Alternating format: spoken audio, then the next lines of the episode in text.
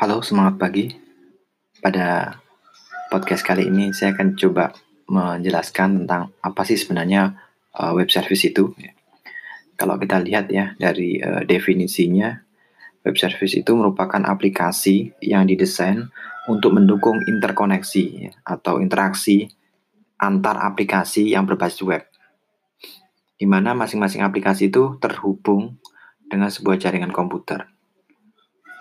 Nah, web service ini diperlukan karena masing-masing aplikasi tadi kan bisa jadi memiliki format data yang berbeda ya. Kemudian bisa jadi kemudian ditulis juga dengan bahasa pemrograman yang berbeda atau juga berjalan pada platform yang berbeda. Oleh karena itu diperlukan media yang standar untuk dapat uh, saling berkomunikasi ya, antara dua aplikasi tersebut.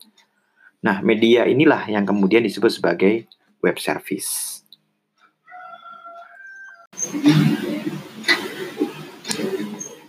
Halo semangat pagi. Uh, pada podcast kali ini saya akan menjelaskan tentang apa sih perbedaan antara web service dengan API gitu ya. Kan banyak orang tuh menyebut web service itu sama dengan API gitu ya dan atau menganggap keduanya itu adalah barang yang sama. Ya. Baik, kita akan coba bedah ya. API itu apa sih sebenarnya? Jadi API itu adalah singkatan dari Application Programming Interface atau diterjemahkan menjadi antarmuka pemrograman aplikasi. Jadi dia itu merupakan sekumpulan perintah atau fungsi yang dapat digunakan untuk berinteraksi dengan sistem tertentu. Ya. Jadi pada mulanya dulu sistem yang dimaksud adalah sistem operasi. Ya sehingga API merupakan fungsi-fungsi yang dapat digunakan untuk berinteraksi dengan sistem operasi komputer. Namun kemudian istilah ini menjadi generik untuk sistem apa pun itu. Nah, berdasarkan uraian tersebut, ya dapat disimpulkan bahwa web service merupakan API namun hanya untuk sistem aplikasi yang berbasis web. Mudah-mudahan bisa dipahami. Halo, semangat pagi. Uh, pada podcast kali ini saya ingin menjelaskan tentang apa itu uh, RESTful Web Service ya. Jadi uh, salah satu standar dalam web service yang umum digunakan itu adalah REST. Nah, REST sendiri merupakan singkatan dari Representational State Transfer, yaitu standar pertukaran data dalam arsitektur web melalui protokol HTTP. Nah, konsep REST ini sebenarnya pertama kali diperkenalkan oleh uh, Roy Fielding pada tahun 2000 ya. Konsepnya sebenarnya sederhana ya. Jadi ada dua uh, dua apa namanya dua bagian ya REST server dan REST client. REST server ini menyediakan jalur untuk mengakses data, sedangkan REST client itu melakukan akses data ya atau merequest data, kemudian menggunakannya ya.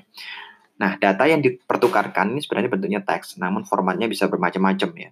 Ada yang uh, namun umumnya adalah JSON dan XML.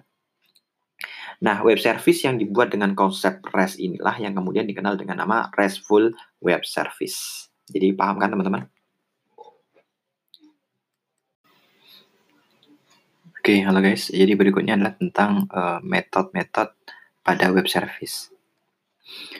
Jadi dalam mengakses suatu data ya, RESTful yang menggunakan protokol HTTP ini tentu juga akan terikat dengan konsep uh, URL atau URI ya, Uniform Resource Identifier yaitu di mana pengaksesan URI tersebut menggunakan metode tertentu ya. Sebagai contoh ketika eh, mengakses suatu web ya melalui browser maka sebenarnya web browser tersebut akan mengambil ya dan mengirim data dari dan ke server dengan suatu metode tertentu ya. Kalau kita pakai browser ya tentu uh, standarnya adalah menggunakan metode get gitu ya.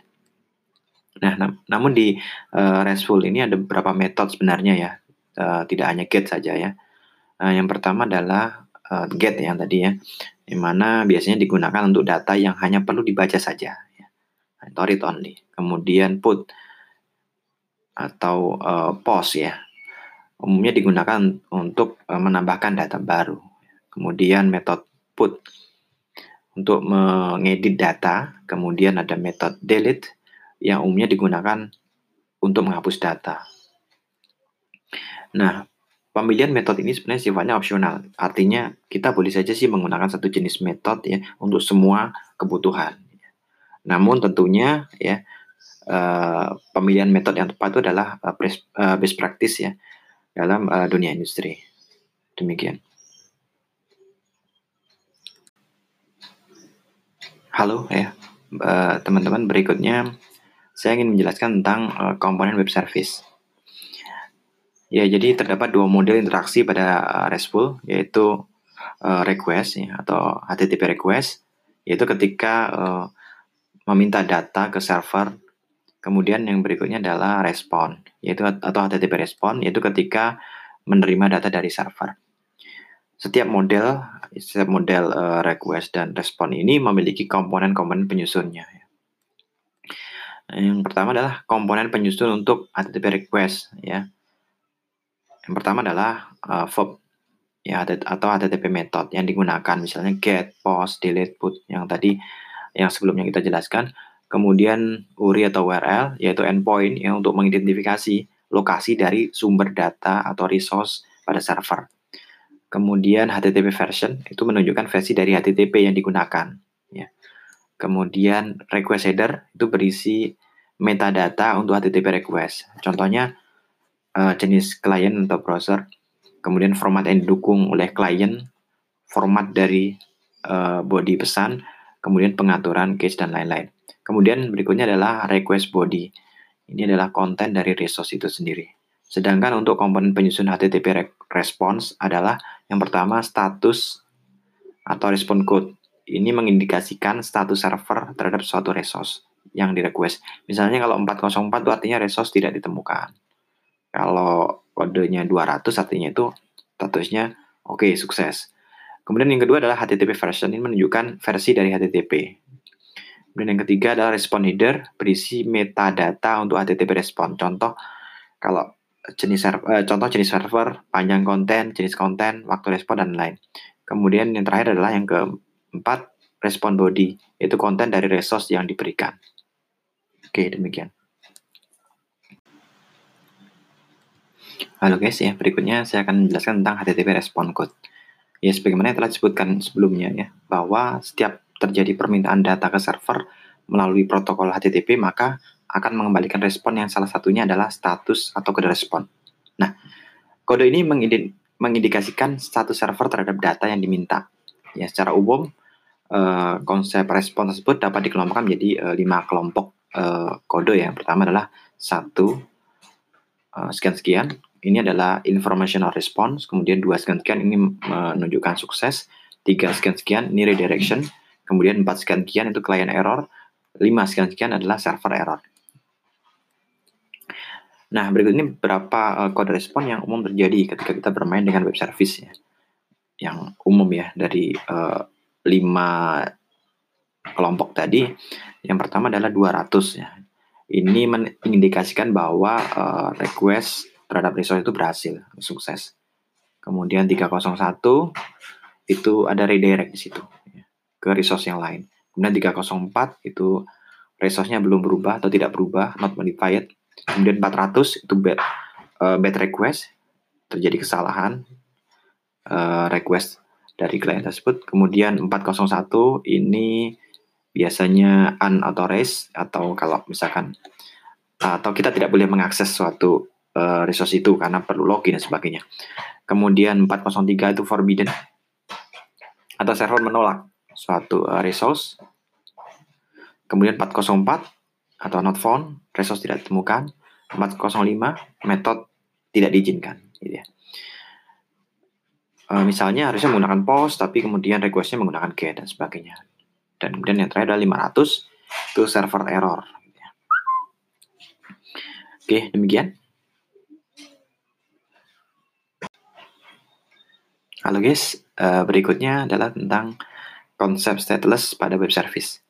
Jadi dalam arsitektur REST, ya, uh, seharusnya tidak boleh ada penyimpanan state atau session untuk mengident mengidentifikasi suatu klien pada suatu request. Jadi artinya setiap request dari klien itu bersifat independen dan dianggap sebagai request yang baru. Nah, hal ini disebut sebagai stateless. Ya.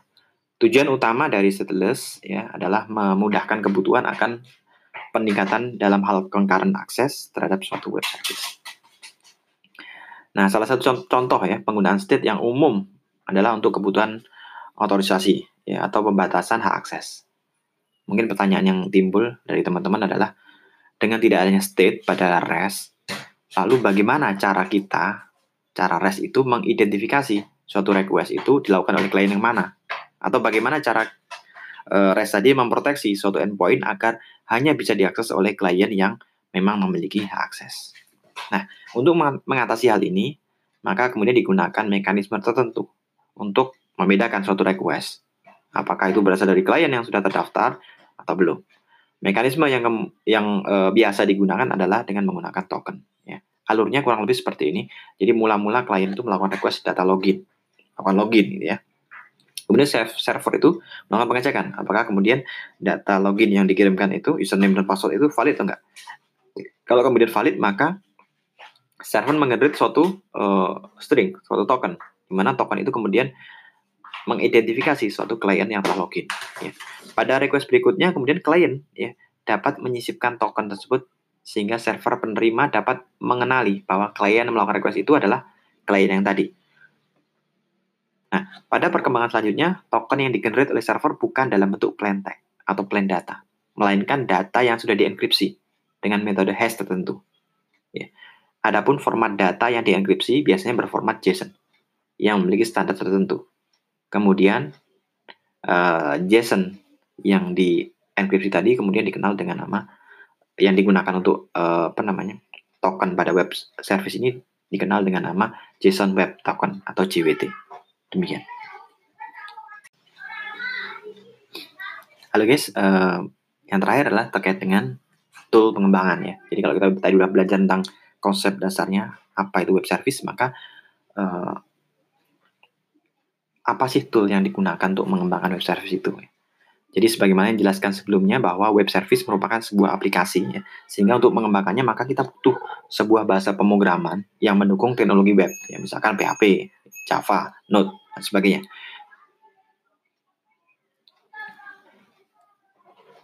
Nah, pada saat kita mengembangkan uh, web service itu ya, kita perlu juga tool-tool untuk melakukan uji coba ya, untuk mengetes apakah uh, web service yang kita buat dengan bahasa pemrograman tadi itu bisa berjalan atau enggak. Tool yang umum digunakan atau yang populer digunakan adalah Postman. Postman ini memiliki tool yang uh, merupakan tool yang cukup lengkap ya, fiturnya cukup lengkap. Uh, misalkan kita bisa memilih ya metodenya, ya, metodenya bisa PostGet dan sebagainya. Kemudian ada authentication-nya ya. Kemudian kita bisa memilih berbagai pilihan responnya gitu ya. Jadi teman-teman kalau misalkan mau nyoba bisa download di uh, postman.com. Oke, sekian.